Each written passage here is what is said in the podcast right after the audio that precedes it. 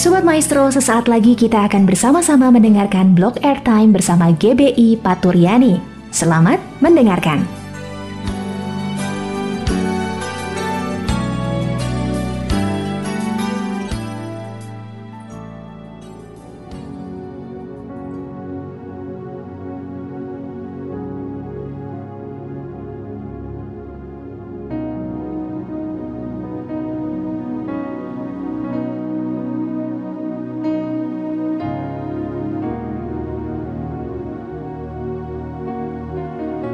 Shalom, Sobat Maestro yang dikasihi Tuhan.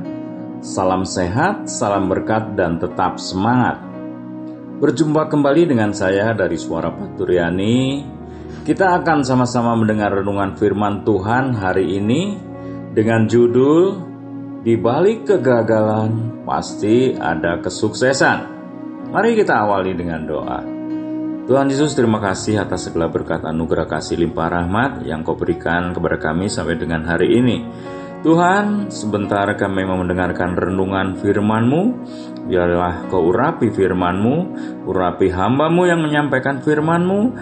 Berikan roh akal budi hikmat, berikan marifat yang dari engkau. Urapi juga kami yang akan mendengarkannya. Biarlah firman-Mu ada tempat dalam hati kami, menjadi rema, dan boleh kami lakukan berakar, bertumbuh, dan berbuah. Terima kasih Bapa. Dalam nama Tuhan Yesus, kami sudah berdoa dan mengucap syukur. Haleluya. Amin. Sobat Maestro yang dikasih Tuhan, ada pepatah mengatakan, kegagalan adalah sukses yang tertunda. Amin. Bagi kita anak-anak Tuhan, pepatah tersebut harus kita aminkan. Sebab ketika kita gagal, bersyukurlah Kenapa? Karena pasti Tuhan punya rencana yang lebih indah dari apa yang kita harapkan. Ketika kita mengalami kegagalan, pasti Tuhan sudah menyediakan berkat lain yang lebih baik dari yang kita inginkan. Amin. Makanya ada pujian yang mengatakan, "Dia tak pernah gagal karena Dia Allah. Dia tak pernah lalai dia jamin firmannya, sebab dia Allah, Raja segala raja, dan seterusnya. Nah, berbeda dengan orang dunia atau orang yang tidak percaya Tuhan, mereka sering kali meratapi kegagalan yang dialami dengan berlarut-larut. Bahkan ada beberapa orang melampiaskan kegagalan atau kekecewaan mereka dengan cara-cara yang salah. Seperti misalnya pergi ke diskotik, dugem, mabuk-mabukan, memakai narkoba, dan lain-lain. Bahkan tidak sedikit ada yang sampai depresi berat dan akhirnya bunuh diri. Makanya lagunya juga berbeda. Lagunya begini. Aku gagal kali ini tanpa tangis dan duka. Hanya titik air mata dan senyum kehancuran. Ya, mereka tersenyum, tetapi senyumnya senyum kehancuran. Mereka tertawa, tetapi sebenarnya hatinya menangis. Mari kita tolak hal tersebut. Dalam nama Tuhan Yesus Kristus, kita mempunyai Allah yang tidak pernah gagal. Amin. Amin. Sobat maestro yang dikasih Tuhan, sebagai orang beriman, marilah kita meyakini bahwa di balik setiap kegagalan, di balik setiap pencobaan, pasti ada kesuksesan. Di balik hujan badai, pasti ada pelangi yang indah. Katakan amin. Karena melalui satu kegagalan atau pencobaan, kualitas iman kita boleh teruji dan semakin kuat.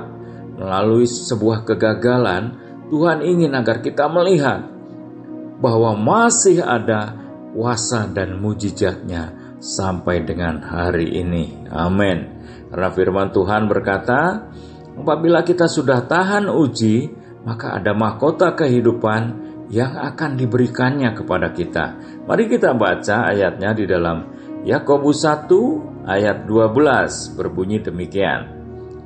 Berbahagialah orang yang bertahan dalam pencobaan, Sebab apabila ia sudah tahan uji, ia akan menerima mahkota kehidupan yang dijanjikan Allah kepada barang siapa yang mengasihi dia.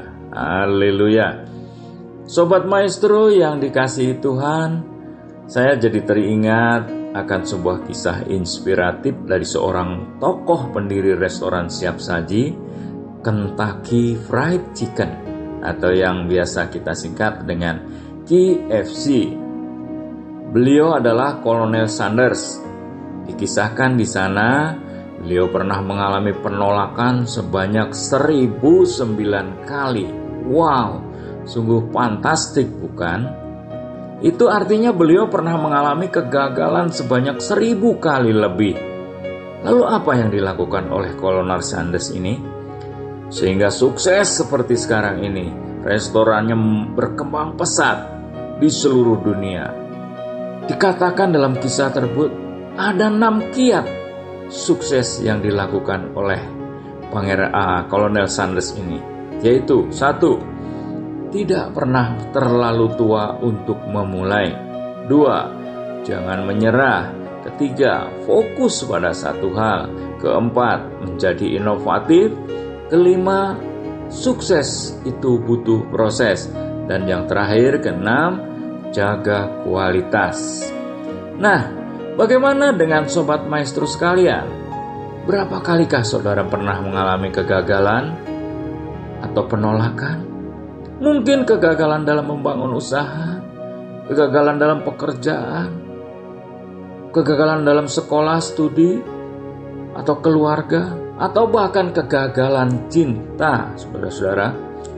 Mari kita belajar dari Kolonel Sanders ini dalam kehidupan kerohanian kita.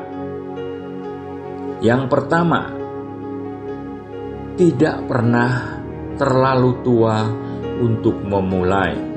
Artinya, setua apa pun kita, bila kita mengalami kegagalan, kita harus bangkit dan mulai lagi.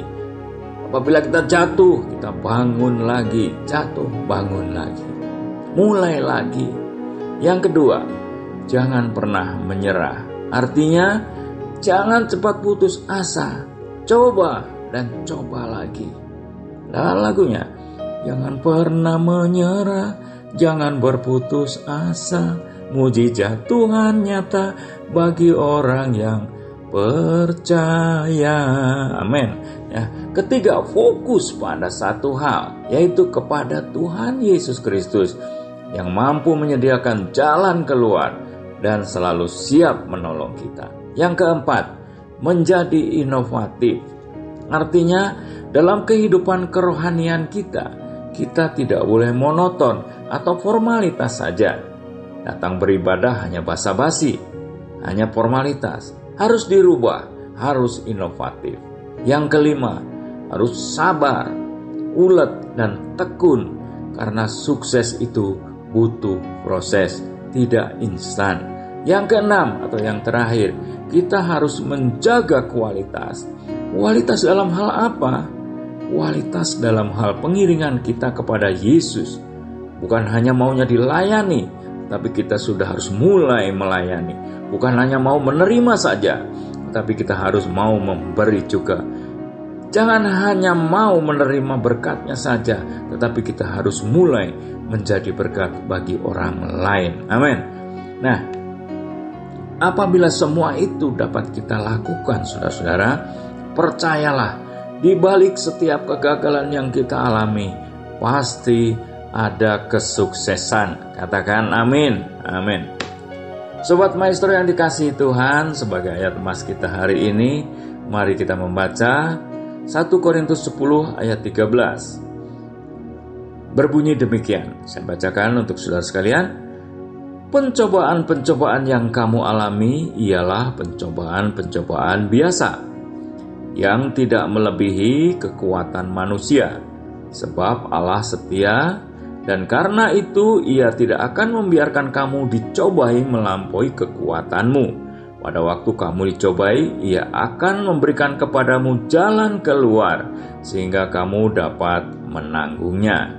Puji Tuhan, demikianlah renungan firman Tuhan hari ini. Saya Nikola Sugio, Tuhan Yesus memberkati. Mari kita berdoa. Tuhan Yesus, terima kasih atas firman-Mu hari ini.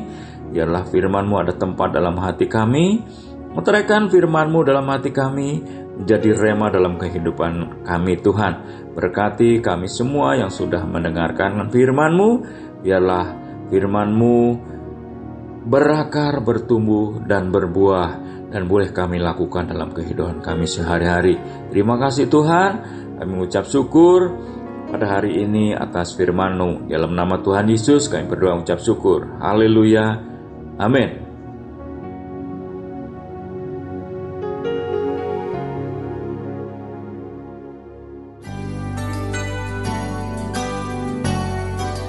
Sobat Maestro, kita baru saja mendengarkan blog airtime bersama dengan GBI Paturyani. Terima kasih atas kebersamaan Anda. Tuhan Yesus memberkati.